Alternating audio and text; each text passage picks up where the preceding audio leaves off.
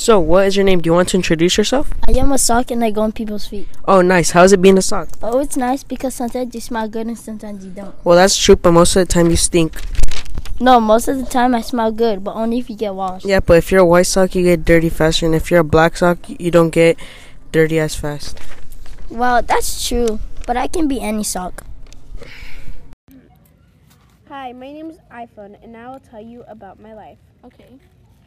I always get dropped. Sometimes I can break, I can die too. The people need to charge me. Lots of people always look at me and smile because I'm handsome.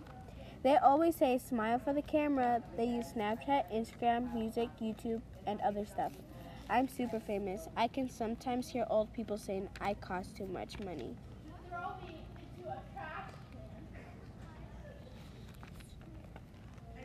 Uh, okay. That hurts my feels. I feel sad. I hear lots of things. I can't even remember nothing. I hate books. I hear old people saying, "Read a book, or else I will take you take your phone away." People call me Sirbot. That's not my name.